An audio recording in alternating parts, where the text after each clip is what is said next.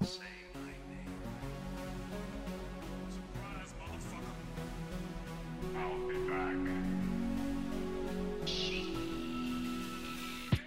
прывітанне вы на падкасці кінашуфлятка гэта сяброўскі падкаст дзе двое вядучых абмяркоўваюць фільмы якія падзелілі погляды большасці гледачоў і крытыкаў. І мы намагаемся разабрацца хто мае рацыю а хто не і чаму так увогуле апынулася мне клічуць Женя. А меня зовут Коля. Сегодня мы будем обсуждать фильм Веном у которого 30% положительных отзывов у критиков и 80 у зрителей. Перед тым як мы пачнем важна адзначыць некалькі момантаў. Першы момант гэта тое што як вы маглі заўважыць падказ двухмоўны. Другі момант той што мы абмяркоўваем фільмы са спойлерамі. І таму калі вы фільм не глядзелі і не хаце сапсаваць сабе ўражання абавязкова паглядзіце яго перад гэтым а потым ужо можете вяртацца да нашага падкасту і трэці пункт які вельмі вельмі важна нам значыць мы з колей не прафесіянальнай крытыкі не прафесіянальныя рэцэнзенты і наш погляд на фільм абсалютна суб'ектыўны гэта то як мы бачым з нашага гледзяшча хуценька нагадаю сюжэт фільма венам гэта фільм пра рэпарцёра эдзі брока якога іграе том хардзі ён жыве ў сан-францыска са сваёй нарачонай н якую іграе мішель уильямс мае неблагую кар'еру ўсё яго добра да таго моманту пакуль ён не бярэ задзірліва інтэрв'ю у галоўнага злыдня фільма карлтона дрейка выкананні рыза ахмеда. Пасля чаго яго звальняюць дзяўчына ад яго сыходзіць а праз некаторы час ён знаходзіць іншапланетную субстанцыю якая захоплівае яго цела Яна дае яму суперздольнасці, пры гэтым мае ўласны розум і кліча сабе венам. Пачаць хацелася бы перш за ўсё з таго, што адбывалася да фільму, абмеркаваць тое, як яго чакалі, чаму яго чакалі, чаму фільм увогуле адбыўся, што гэтаму дапамагло і гэтак далей. Таму я б хацела першпачаткова цябе коля запытаць, што ты памятаеш з таго, што адбывалася перад фільмам і ці чакаў ты яго ўвогуле перад тым, як ён выйшаў. Насколько я помню, у фильма был большой ажиотаж, по крайней мере у зрителей, и то, что я видел э, в сети, в интернете, рейтинг ожидания на разных сайтах, его ждали, его хотели, после того, как там Sony запустили свою вселенную без паука, хотели как раз-таки запустить, то все ждали фильма про Венома. И если честно сказать про себя, то не сказать, чтобы я его прям так сильно ждал. Я на него, конечно, в кино сходил, но не сказать, чтобы у меня был какой-то рейтинг ожидания вау, особенно там после первых трейлеров, которые были, не сказать, чтобы вау, особенно там по каким-то моментам графики. У меня был такой обычный рейтинг ожиданий, ну, обычный фильм по комиксам, окей. Ну, табе здаваўся максімальна звычайным фільм по коміксам ты не чакаў ад яго штосьці такога чаго не было ні ў якім іншым фільме да он мне казался изначально что он будет таким простым uh -huh. и по сути шаблоном он по сути таким и оказался Вось я тут табе трохі нагадаю, што адбывалася перад тым, як фільм выйшаў і чаму шмат фанатаў чакала гэты фільм.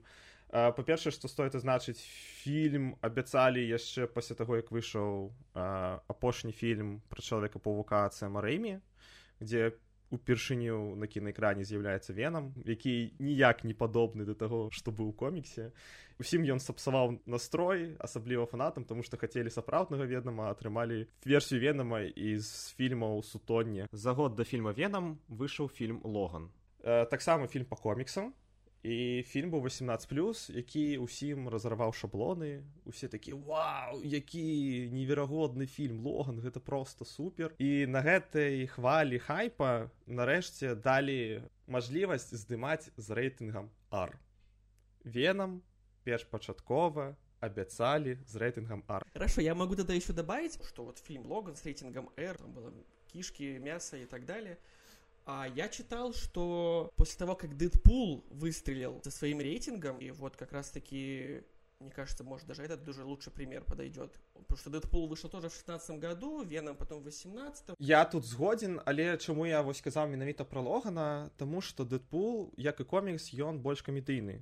Веном, наколькі я памятаю, камедыйным коміксам не быў, і ў гэтым сэнсе ён значна бліжэй да Логана, які быў заснаваны на вельмі драматычнай графічнай навеле стары Логан і ў выніку гэтага я чакаў фільм з рэйтынгам ар стылістычна больш падобны да логана. Хоць той увогуле мне не падабаецца. Ой ну шо вы мы дахопіць вам усе ж дарослы што вы робіце? Таму я больш чакаў фільм стылістычна больш падобны да логана чым да дэдпула. Спадзяваўся што прадюсеры аглядваюцца больш на логана. Але ўсё ж ты маеш рацыю паўплываў відавочна на венама больш дэдпул.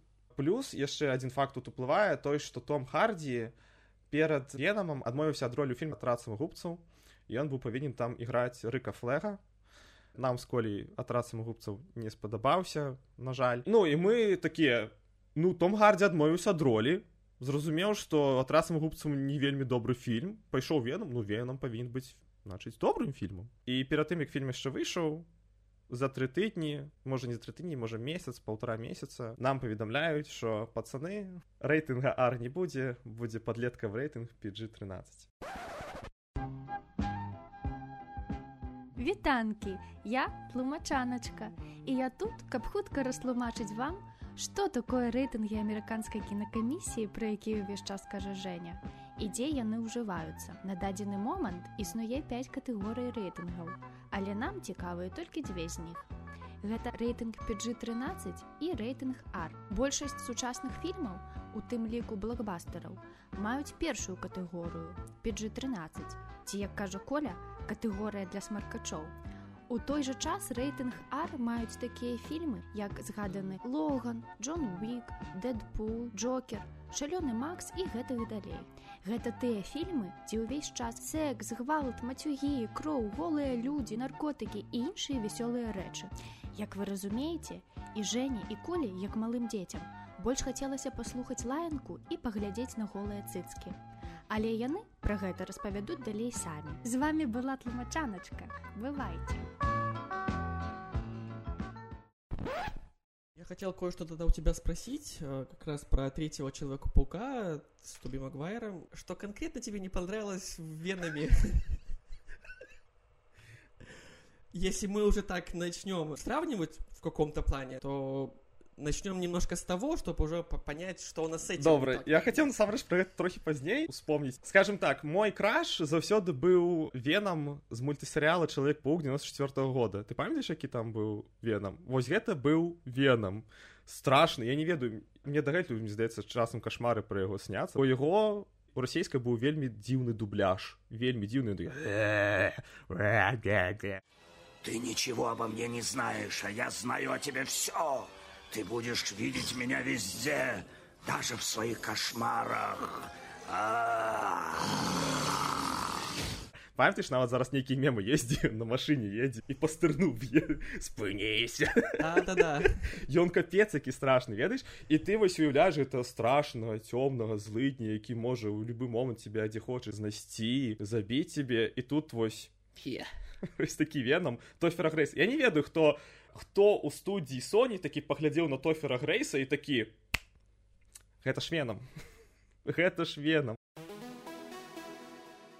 я б тут уже пераходзіў хуценька да персонажаў і хацеў бы пачаць з галоўнага злыдня фільма різахмет різахмет что ты думаешь наконт яго персонажа і яго матывацыі як злыдня різахмет мне не показался злодеем. Ну, он не выглядит как злый день. Вот что ты на него смотришь и такой, о боже, мне страшно.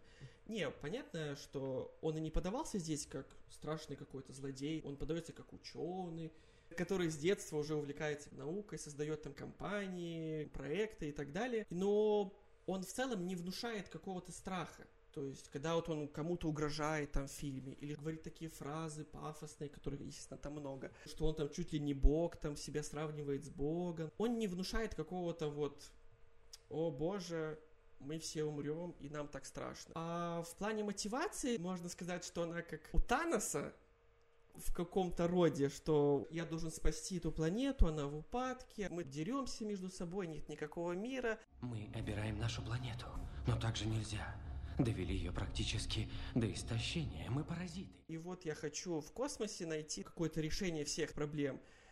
И вот у него такая мотивация. Она вроде бы есть, и вроде бы ее пытались как-то донести, но она такая какая-то Яна вельмі шаблонная яна просто да, вельмі шаблонная А что ты думаешь про Мишель Уильямс у роли невестки Эдди что тут сказать в целом она сыграла нормально если так можно сказать Но да, в какие-то моменты она подбешивала, потому что это, возможно, из-за того, что ее персонаж был так прописан. Да и в целом, как бы, ее не сильно много в фильме, и она больше как элемент любви, чтобы просто вот переживаете, это вот такая любовь, там, все, морковь.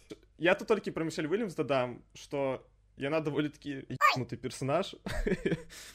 Мы потым пра гэта больш паразмаўляем, але яна цалкам неадэкват, у тым жа ліку, як і Эдзі сам па сабе Перед тым як мы перайдзем да самога эдзі і венама ці былі нейкія персонажы якія табе спадабаліся так а кто там еще был да?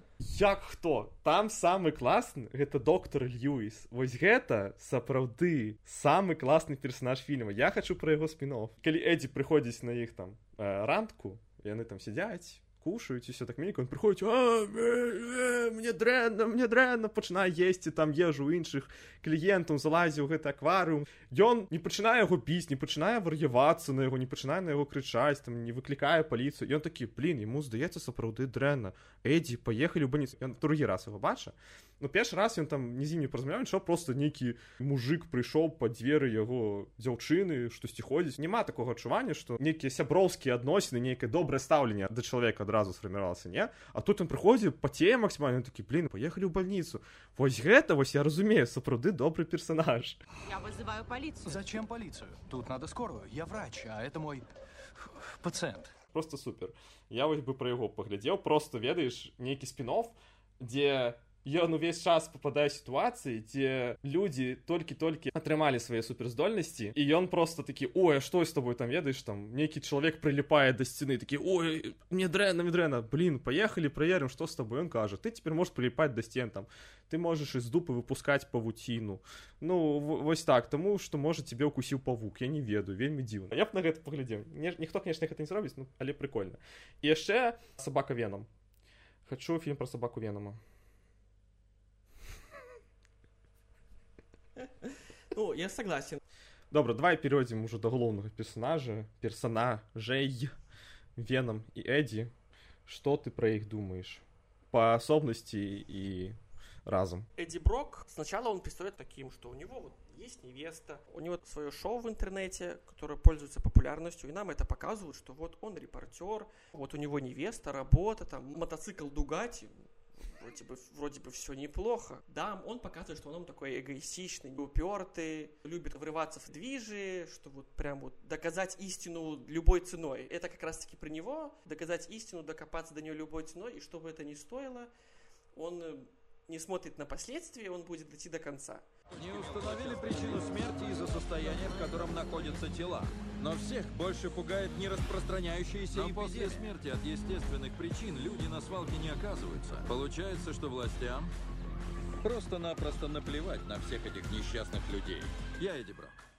И вот он нам предстоит вроде таким, поначалу неплохим персонажем. Потом вот он эти делает глупые поступки, что подставляет свою невесту, делает интервью с, как раз-таки с нашим злодеем бестолково, его увольняют с работы, ее увольняют с работы, он всех теряет, теряет там квартиру и так далее.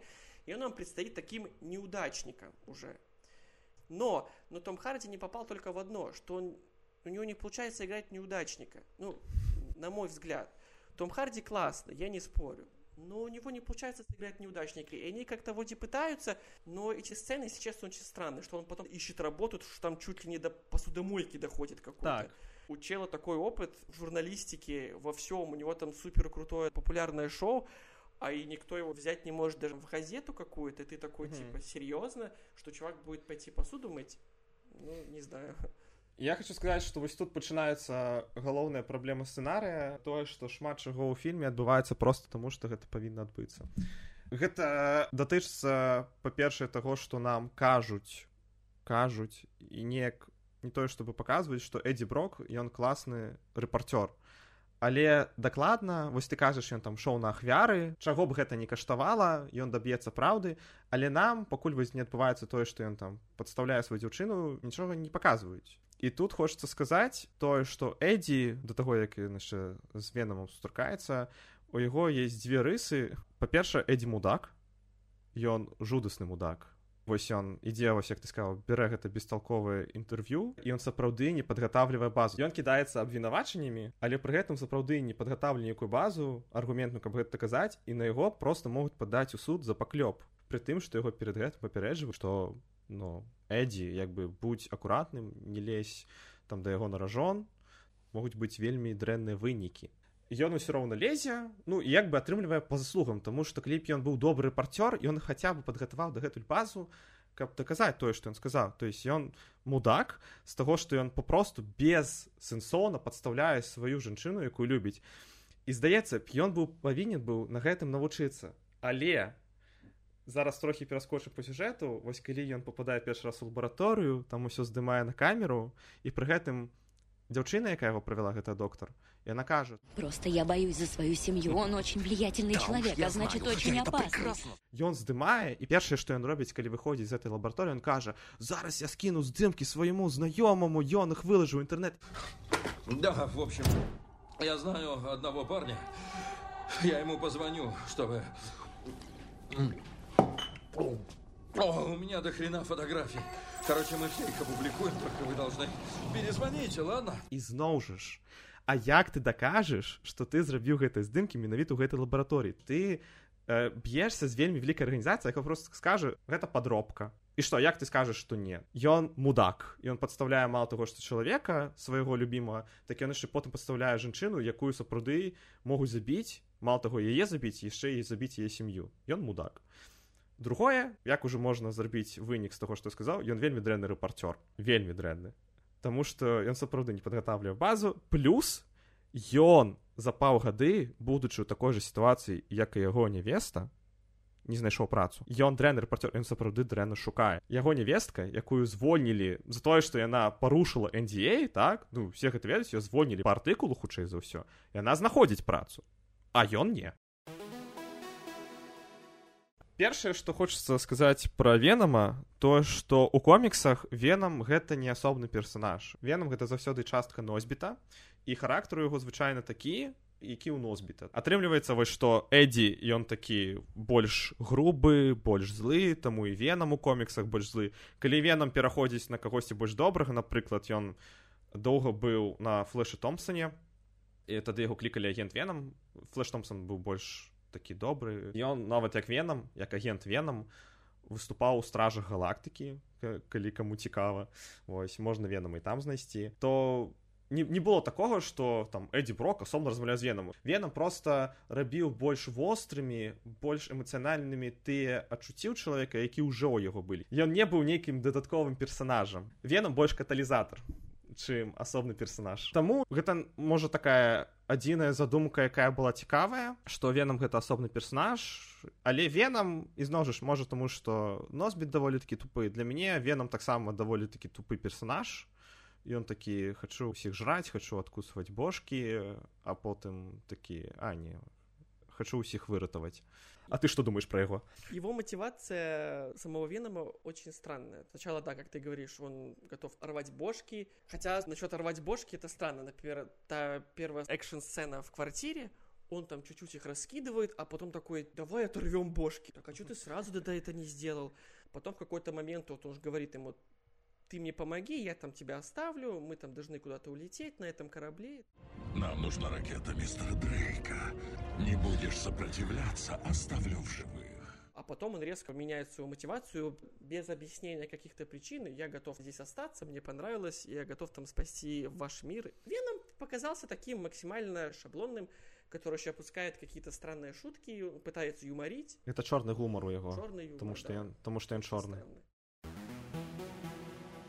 можем перейти к жанрам. Как мы уже сказали в комиксах, что Веном это все-таки более серьезная история, драматичная история. Юмор там, если даже он где-то и был, то такой, не особо какой-то петросянский, как был в этом фильме. Ну, поначалу вот про Эдди Брока нам пытаются дать какую-то серьезность. Вот, смотрите, он потерял что-то, вот драма.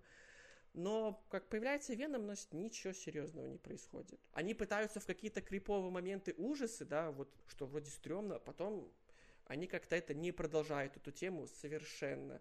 и как-то сразу перебивают какой-то шуткой или какой-то еще фигней. Плюс, как бы, опять же, если говорить про жанр в целом, да, они пытались там в какой-то боевик, хотя на самом деле здесь экшн-сцен можно по пальцам пересчитать. И плюс, опять же, как мы уже говорили, этому жанру и этому фильму не хватало рейтинга R, это просто 100%. Тут варта адзначыць, што такі мікс жанраў адбыўся з-за таго, што рэжысёрам быў Рубін Фляйшер і самы знакаміты фільм Рубіна Фляйшера гэта вітаем зобілендзе. Вось я памятаю, што ў свой час гэта было даволі такі цікавы фільм і атрымалася сапраўды добра то есть там баланс паміж камедыяй і хорарам ну ён добры. І тут як быццам намагаліся зрабіць штосьці падобнае можа з той нагоды што хацелі знайсці нейкую сярэдзіну паміж дэдпулам і логанам. Таму што дэдпул як камедыя добра спрацаваў а логан добра спрацаваў як трагічная драма. А яны намагаліся знайсці штосьці пасярэдзін такі ой рубін флайшер які вось гэтым гуляўся то давайте зробім штосьці сярэдняе паміж камедыйным персонажам і хорарам прытым што супергеройскага хорара мы дагэтуль так і не маем. Ёсць канешне фільм джеймса гана гары гары ясна гэта здаецца пакуль адзіны супергеройскі хорар. Але сапраўды з венама можна было зрабіць супергеройскі хорар. З гэтага магло патрымацца штосьці цікавае.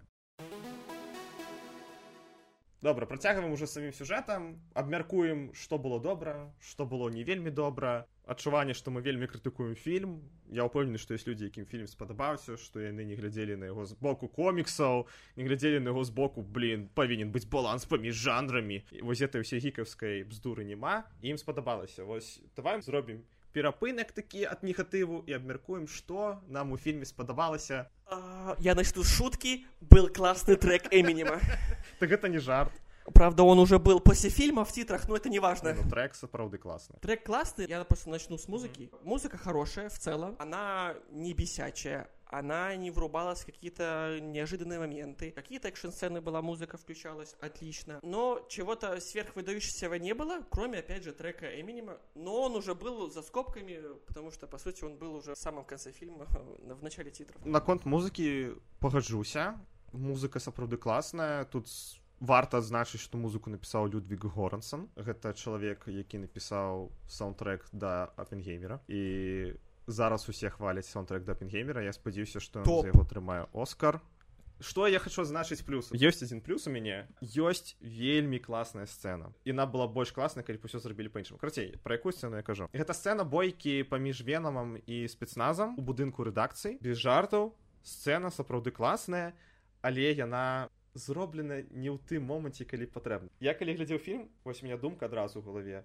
Блин як бы было класна калі б гэта была першая сцена з'яўлення венама парни вы бы лучше домой ехали серьезно маски! Есть! Мое дело предупредить. Маска! Принято. Это что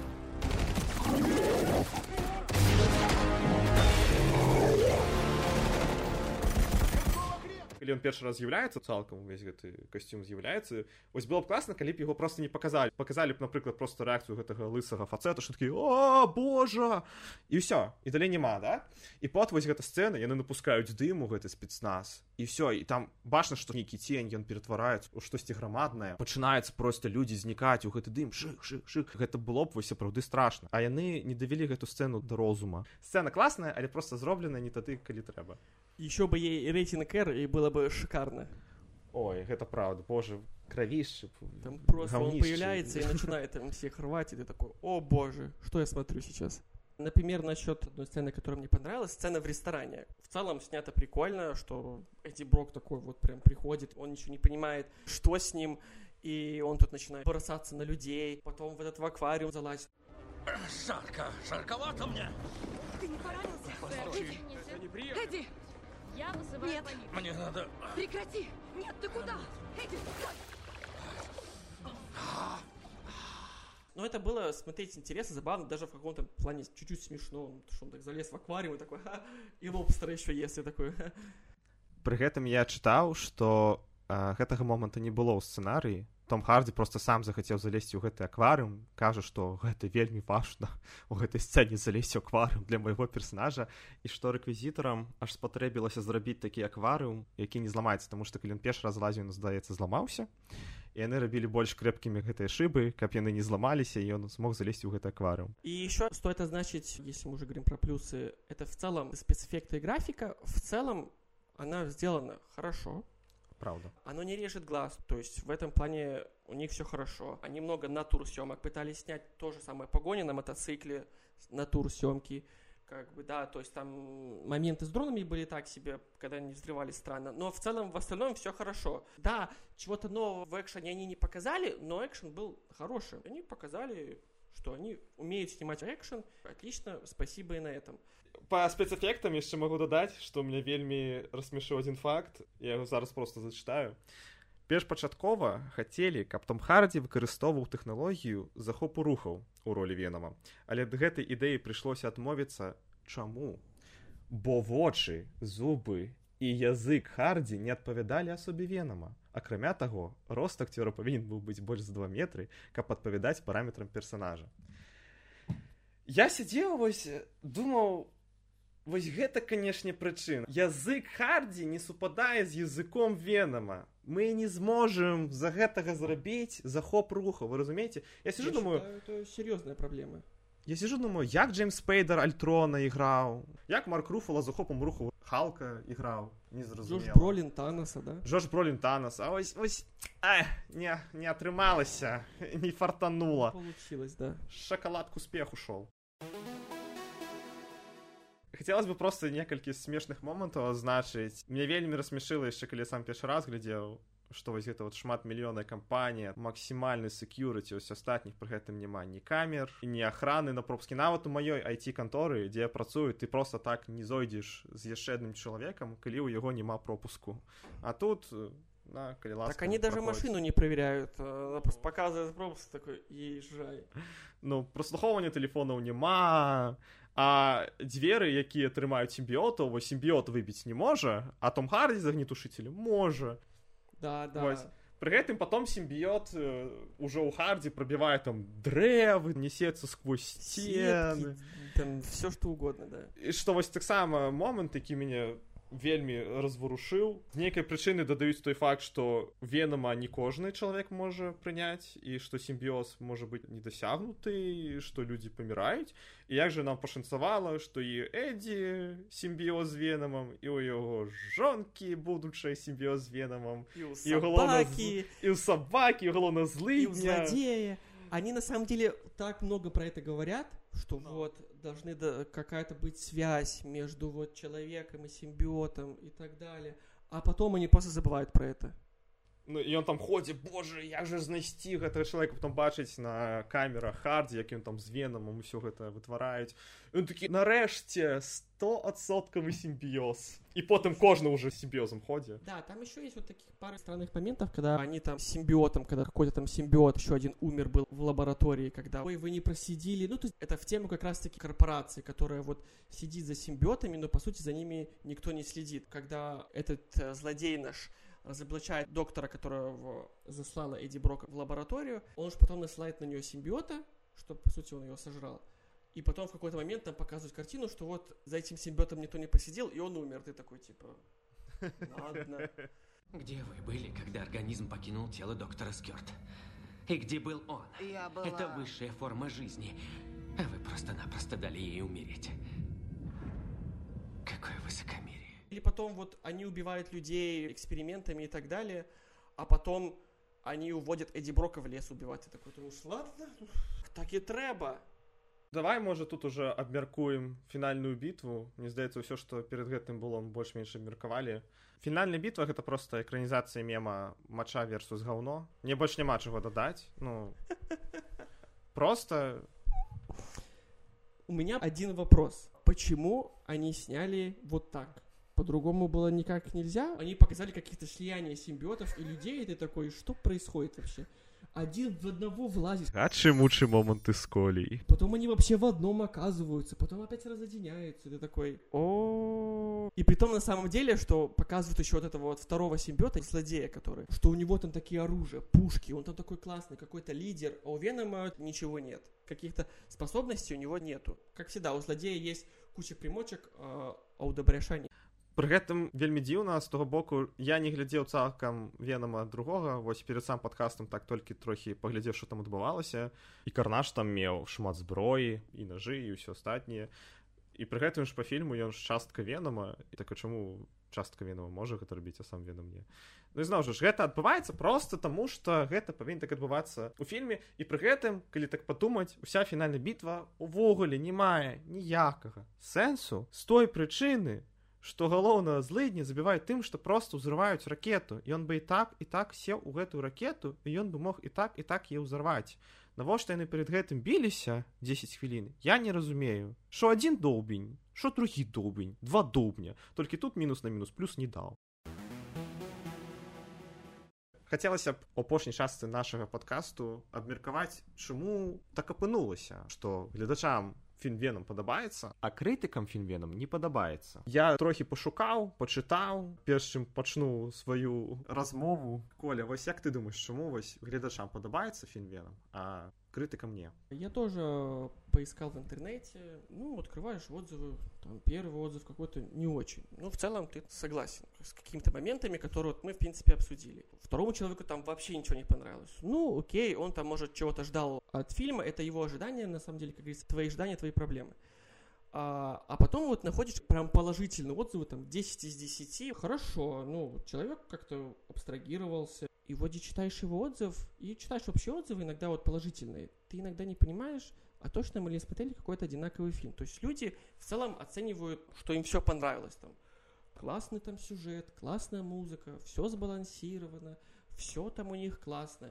Сложно сказать. И таких отзывов, на самом деле, ну, как мы поняли, 80%. Даже сложно как-то объяснить, почему так произошло. Я когда первый смотрел в кино, в целом мне фильм не был ужасен, но он не был вау середнячок какой-то посмотрел и в целом забыл. А вот если про критиков, то я могу предположить, почему так в целом не понравилось. Фильм изначально не сбалансирован. Критики всегда любят, когда фильм сбалансирован, когда вот идет химия между персонажами, особенно главными, то есть это Веном и Эдди Брок. Эта химия, как по мне, она не до конца сделана, не до конца раскрыта. Я поэтому считаю, что им и не понравилось за счет вот этих каких-то uh-huh. причин. Как думаешь ты? Ну, я зразумеў твою галоўную думку, што гледачы шлі больш на фільм з адключанай галавой, а крытыкі ўсё ж такі шлі, уключыўшы голову і шукалі нейкія там цікавыя моманты, матывацыю, хімію, ўсё астатніе. Я насамрэч капануў крыху глыбей калісьці 10 чытаў артыкул пра венама з той нагоды што венам стаў самым касава паспяховым фільмам у рассіі ў 2018 годзе. Пры гэтым каб разумелі у той жа год выйшлі мсціўцы вайна бясконцасці венам сабраў больш яны ў рассіі і вось з тога артыкулу я вычытаў такую вельмі цікавую думку што людзі папросту больш станоўча ставяцца да фільмаў пра антыгерояў Таму што матывацыя антыгерояў яна больш зразумелая. У герояў іх матывацыя трэба выратаваць горад планету сусвет. Нам гэта не блізка. Гэта канешне круто што ты гэта можа зрабіць але нам гэта блізка. Мы ніколі не былі ў сітуацыі калі нам трэба выратаваць планету. А у у антыгерояў вось іх хтосьці пакрыўдзіў.